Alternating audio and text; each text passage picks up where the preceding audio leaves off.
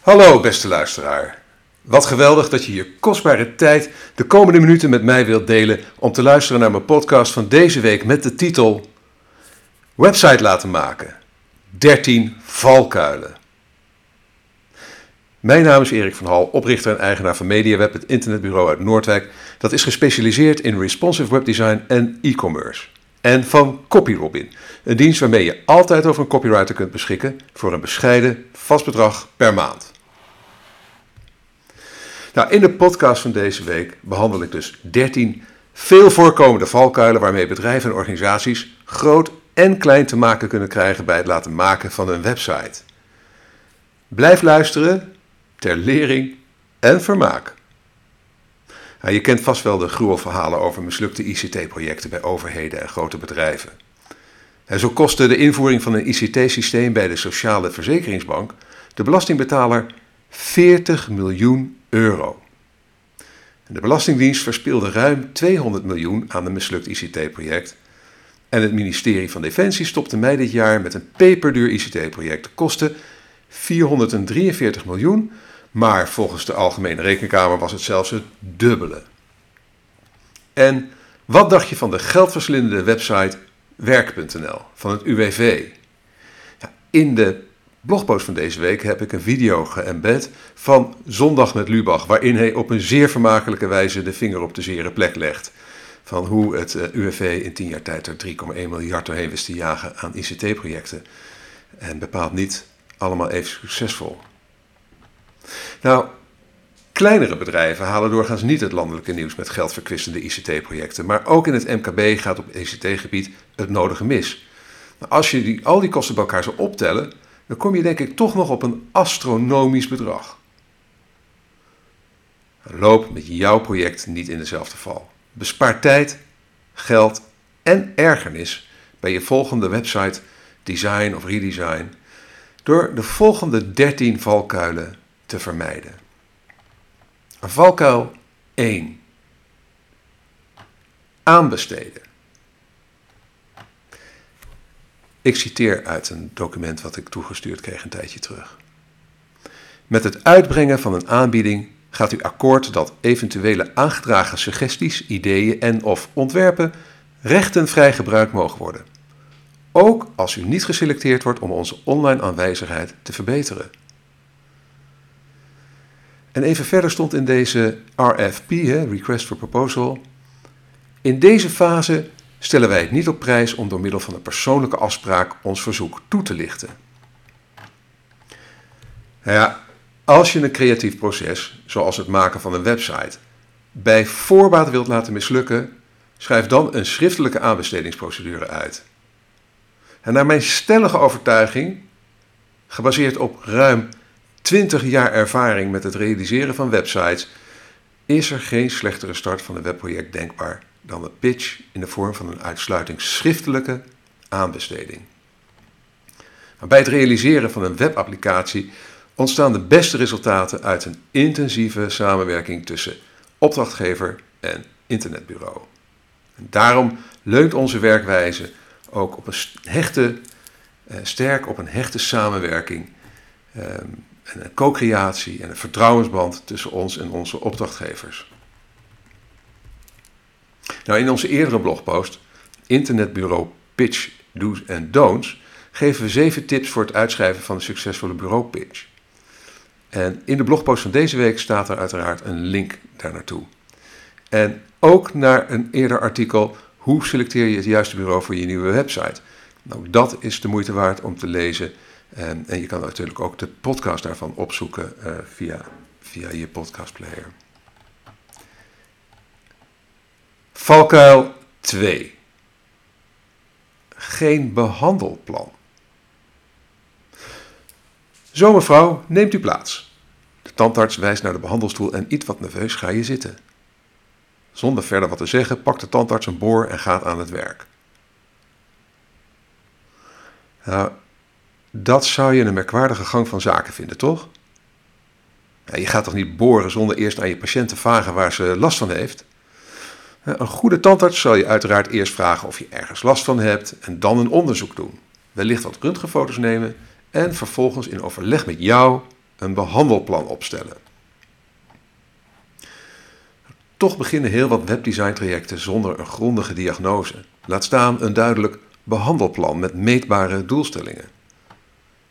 En zorg ervoor dat het internetbureau waarmee je in gesprek gaat de tijd en moeite neemt om zich te verdiepen in jouw organisatie. In de uitdagingen waar jullie voor staan en wat jullie doelstellingen zijn. Alleen op die manier kunnen ze een website maken die werkt voor jouw bedrijf. Helaas hebben veel kleinere internetbureaus en freelancers niet de kennis en ervaring in huis om je bedrijf echt verder te helpen. De nadruk ligt op eenmalige projecten vergelijkbaar met een ontwerp voor een brochure of een visitekaartje.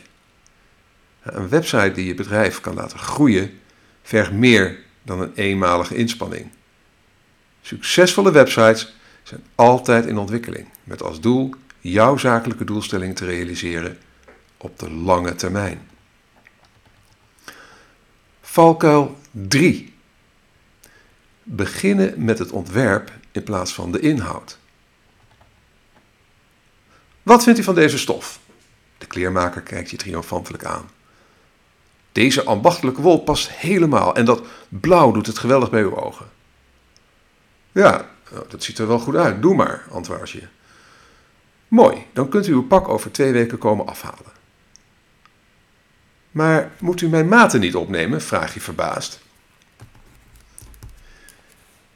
Nee, antwoordt de kleermaker. Dat heb ik zo wel gezien. En ik kan het pak altijd nog verstellen als het niet helemaal goed zit. Niet helemaal de gang van zaken die je zou verwachten wanneer je een maatwerkpak laat maken, toch? Nou, een goede kleermaker neemt natuurlijk je maten op voordat hij begint te stikken. Gek genoeg zien we bij veel websites dat men begint met het ontwerp.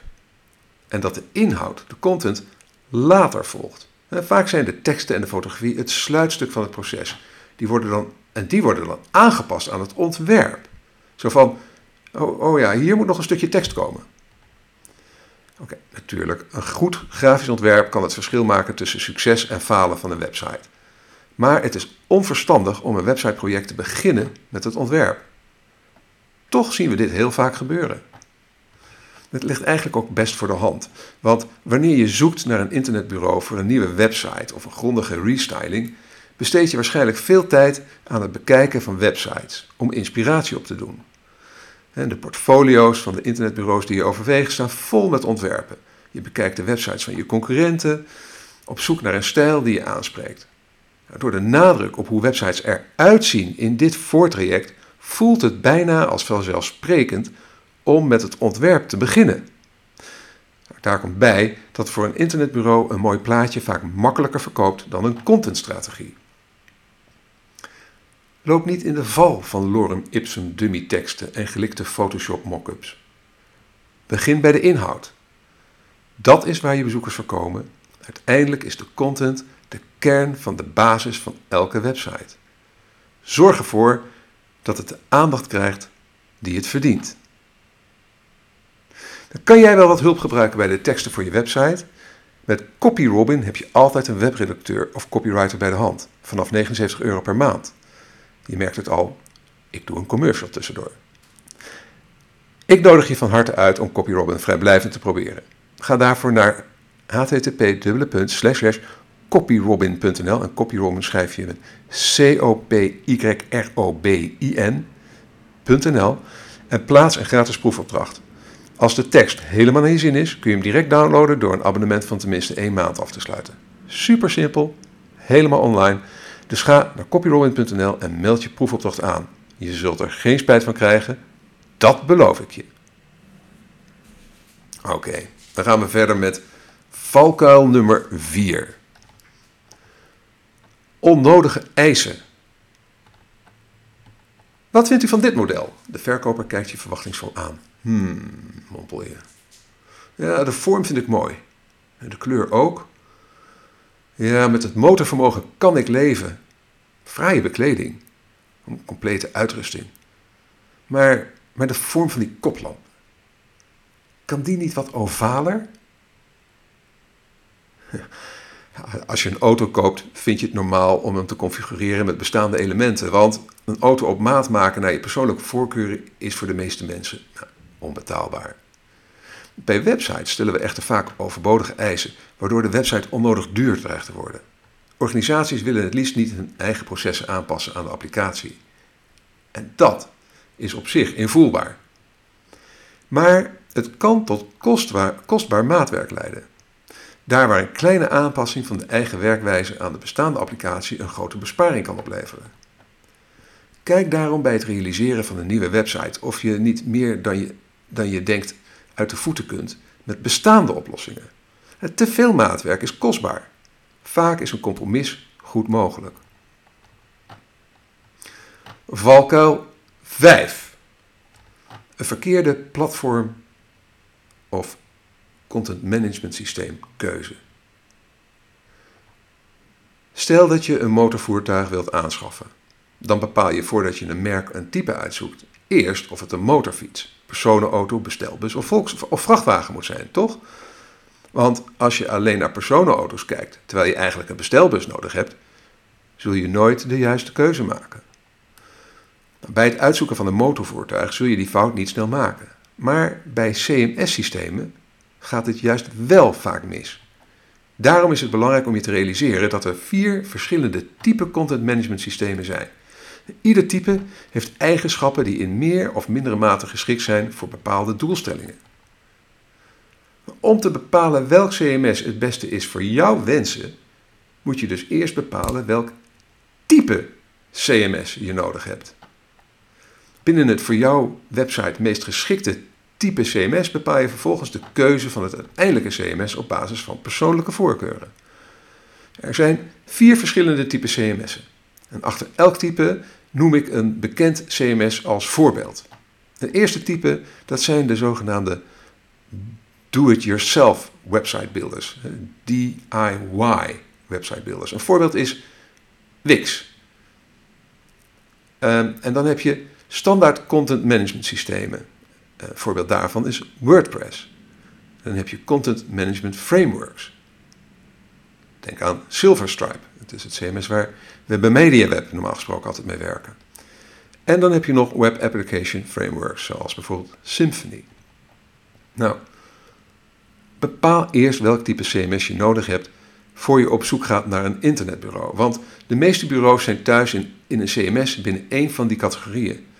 En zo voorkom je dat je een bestelauto koopt terwijl je een personenauto nodig hebt. Lees voor een meer gedetailleerde uh, uitleg mijn eerdere blogpost CMS kiezen. Maak jij deze basale denkfout? Link uiteraard in de blogpost van deze week. Je kan hem ook vinden via de zoekfunctie van uh, de MediaWeb website, uiteraard. Valkuil nummer 6. Design by committee. De ruggenprik doet zijn werk. Johan is verdoofd vanaf zijn middel. Op de monitor naast het bed ziet hij het binnenste van zijn knie. De orthopeed toont hem het scheurtje in zijn meniscus. Nee, niet daar wegsnijden. Johan kijkt de orthopeed met rollende ogen aan. Dat ziet er toch niet uit, vervolgt hij. Ga drie millimeter naar links en begint daar een incisie. Belachelijk? Ja, zeker. Tenzij Johan zelf orthopeet is. Maar dan nog. Dit is dan ook niet echt gebeurd, natuurlijk. Je zult niet veel chirurgen vinden die van hun patiënten te horen krijgen wat ze precies moeten doen. De patiënt vertrouwt op het vakmanschap van de chirurg. Hoe anders is dat bij ontwerpers? Want als het om design gaat, hebben we allemaal een mening. We zijn allemaal ontwerpers. Dus als Johan een nieuwe website laat ontwerpen voor zijn bedrijf, kijken we er niet van op als hij tegen de designer zegt: Kan je die lijn niet net even wat dikker maken? En oh nee, ik heb niets met geel, probeer het eens met groen. Of natuurlijk de klassieker: Kan het logo niet wat groter? Nog erger wordt het wanneer ontwerpbeslissingen in de groep worden gegooid. Het design by committee syndroom. Elke ontwerper kan moeiteloos tal van anekdotes uit zijn mouw schudden over bemoeienis met een creatieve werk. Deze anekdotes vormen op zich weer inspiratie voor heel wat creativiteit. Zoals de video die ik heb geëmbed in de blogpost, um, waarin um, je een, een, hilarisch filmpje over hoe een eruit zou zien als een groot bedrijf het zou ontwerpen. Als je in de gelegenheid bent, zou ik het zeker even gaan kijken. Hartstikke leuk. Nou goed, allemaal leuk en aardig. Maar hoe pak je als opdrachtgever en ontwerper het ontwerptraject dan zo goed mogelijk aan? Nou, lees daarvoor onze eerdere blogpost 10 tips voor een succesvol ontwerp. En daar staat uiteraard een link in de blogpost. Valkuil 7. De boom-bust cyclus. De term boom-bust cyclus komt van de Britse webdesigner en publicist Paul Boag. Hij beschrijft hiermee het proces waarbij veel organisaties een vaste cyclus hanteren van eens in de twee tot drie jaar een compleet nieuwe website laten maken. De oude site kan dan in zijn geheel in de prullenmand. Een gigantische verspilling van tijd, geld en vooral kansen. En een groot risico. Kies daarom voor een meer evolutionaire aanpak van regelmatige kleine aanpassingen en verbeteringen. Zo werken de grote jongens als Google, Amazon, Marktplaats, etc. ook. Dit zijn de vijf redenen waarom deze evolutionaire aanpak beter is dan de boom-bust cyclus. Ten eerste, het bespaart geld. Nou, in plaats van een substantiële investering om de paar jaar, die vervolgens grotendeels wordt weggegooid, investeer je met regelmaat kleinere bedragen aan overzichtelijke deelprojecten. Daarbij bouw je altijd door op de eerdere investeringen. Het resultaat is veel minder kapitaalvernietiging en dus aanzienlijk lagere totale kosten. Tweede punt is, als je één ding verandert, kun je heel goed meten of het werkt. En werkt het niet, dan kun je het ook heel eenvoudig weer ongedaan maken. Dus als je een hele nieuwe website maakt, ja, wat ga je dan meten? Eén kleine verandering, heel goed te meten. Het volgende voordeel, je gebruikers wennen veel makkelijker aan kleine veranderingen dan aan ingrijpende redesigns. En je kunt vaker de publiciteit opzoeken met de introductie van nieuwe functionaliteit van je website. En tenslotte, je geeft bezoekers vaker een reden om je site te bezoeken, aangezien er weer iets nieuws te beleven is. Ik heb dan ook lees als leestip een linkje in, uh, in de blogpost uh, naar een, een van de allereerste blogposts die ik ooit schreef. Doorbreek de boom-bust cyclus. Als dit je interesseert, zou ik dat toch even doen. Goed. Valkuil 8. Geen eigenaarschap. In veel organisaties is niemand echt verantwoordelijk voor de website. Er is niemand die eigenaar is van de site. Bij kleine bedrijven is het in theorie meestal de directeur, maar die heeft, behalve bij pure online bedrijven, vaak niet voldoende voeling met het web.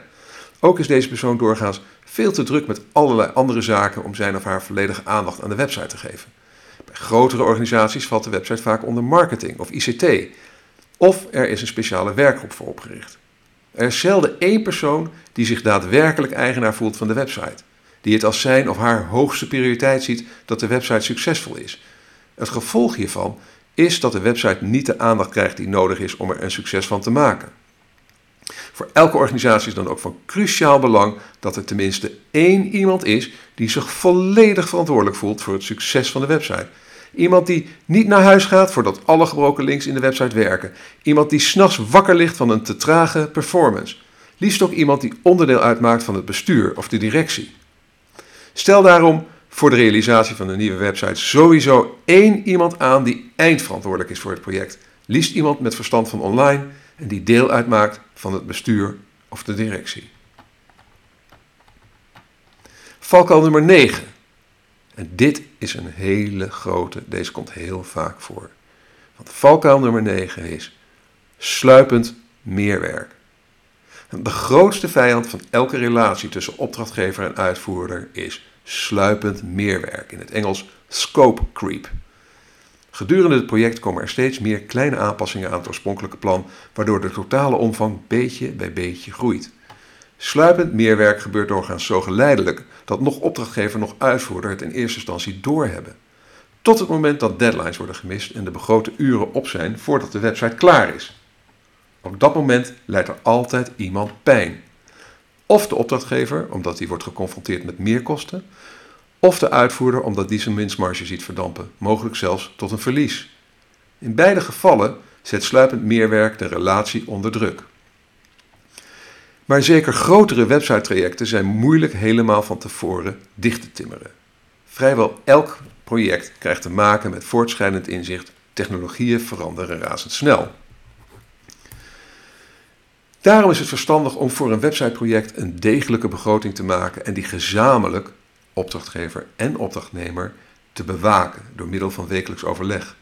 Op die manier loopt sluipend meerwerk eerder in de gaten en kunnen de betrokkenen tijdig besluiten of er geld bij moet of ergens anders functionaliteit moet worden ingeleverd om budgetneutraal te kunnen blijven.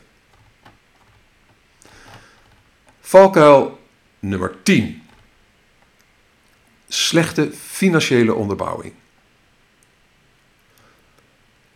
De investering in een website kan uiteenlopen van een paar duizend euro tot vele miljoenen.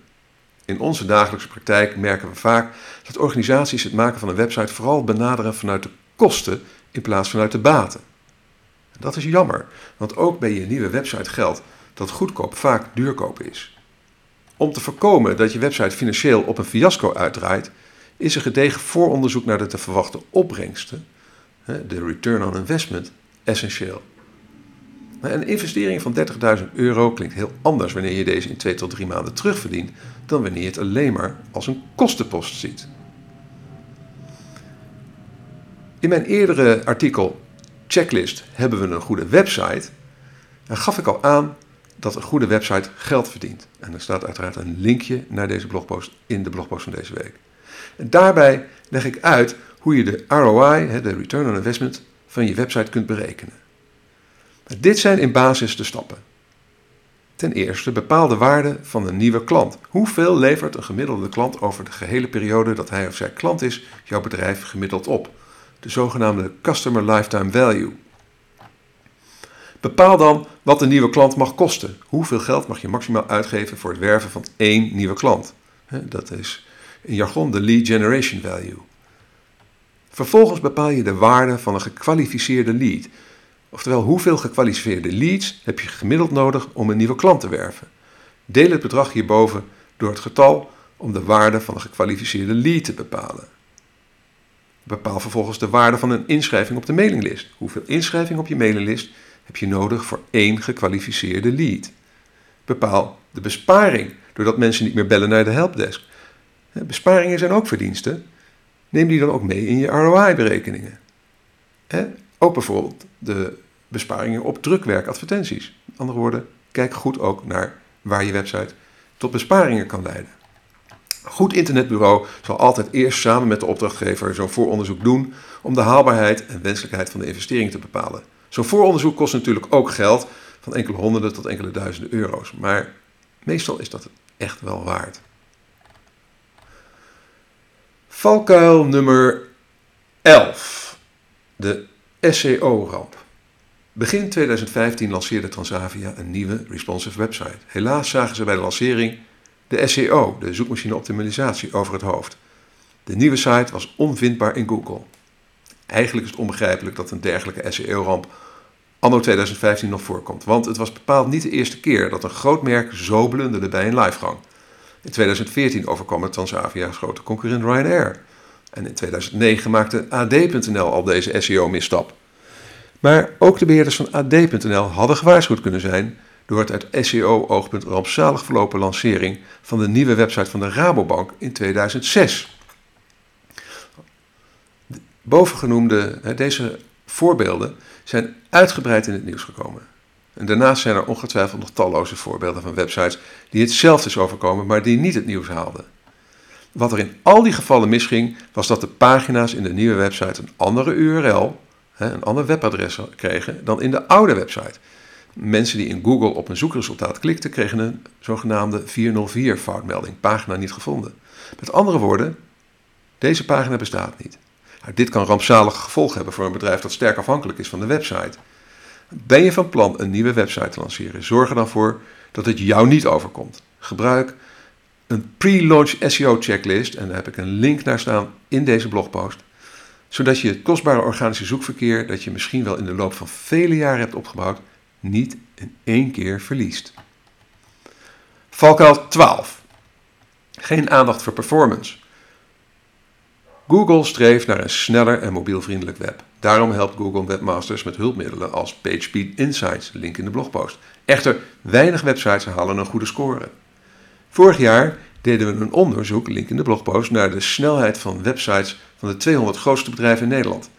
Daarvoor gebruikten we de tool PageSpeed Insights van Google. Uit dit onderzoek komt naar voren dat slechts 11% van de websites van de grootste 200 bedrijven in Nederland qua snelheid een voldoende scoorde op desktops. Op smartphones was het nog veel beroerder. 0,5%, wel geteld, één bedrijf haalde een, een, een groene score, een, goede score dus. Ook schokkend, 97% van de grootste Nederlandse internetbureaus presteerde matig tot slecht qua website snelheid op smartphones. Voor desktops was dat getal 83%. Nou, het complete onderzoek, inclusief infographics, infographics, staat in een artikel, link in de blogpost. Maar deze maand herhalen we dit onderzoek. In onze blogpost van 29 oktober 2015 komen we met de, met de resultaten. Schrijf je nu in op onze nieuwsbrief, zodat je dit onderzoek niet mist, zou ik zeggen. Ga naar de website en schrijf je in op de nieuwsbrief. Als je dat nog niet hebt gedaan, dan blijf je op de hoogte zodra het onderzoek uitkomt. Nou, als je voldoende aandacht besteedt aan de snelheidsperformance van je website, levert dat ook vandaag nog een behoorlijk concurrentievoordeel op vergeleken met je concurrenten die er geen aandacht voor hebben. Hoe je jouw website optimaliseert voor snelheid kun je lezen in onze eerdere blogpost Zin en onzin van Google PageSpeed. Uiteraard link in de blogpost. En dan komen we bij de laatste valkuil, nummer 13. Een te lange doorlooptijd. Een ondernemer zei ooit tegen mij: Een project mag nooit langer duren dan drie maanden. Daarna heeft niemand er meer zin in. Wijze woorden. We hebben de afgelopen twintig jaar de nodige projecten gehad die veel te lang duurden. En het is waar, naarmate een project voortsleept, neemt de motivatie en de inzet van de betrokkenen af. En dan ontstaan er fouten en frustraties. Maar sommige projecten zijn nu eenmaal zo groot dat ze niet binnen drie maanden zijn te realiseren. In dat geval is het verstandig om zo'n project op te delen in meerdere kortere deelprojecten. Zo zorg je ervoor dat jouw volgende website redesign project geen Noord-Zuidlijn wordt. Nou, ontbreken er valkuilen naar jouw idee? Dat kan natuurlijk.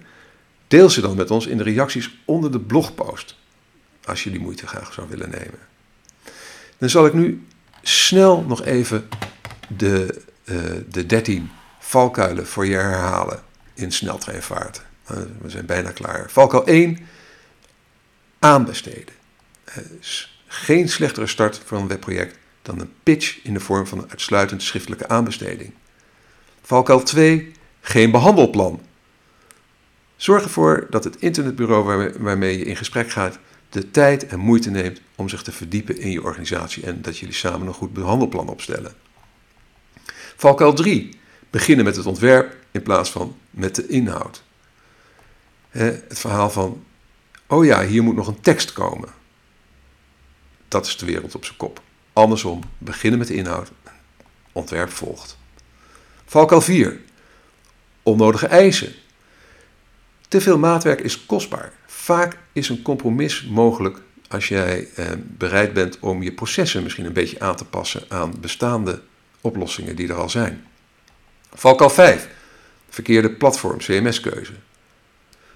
Hier is het belangrijk om te reserveren dat je bepaalt eerst welk type CMS je nodig hebt, voor je op zoek gaat naar een internetbureau. En kiest vervolgens het uiteindelijke CMS op basis van je persoonlijke voorkeur.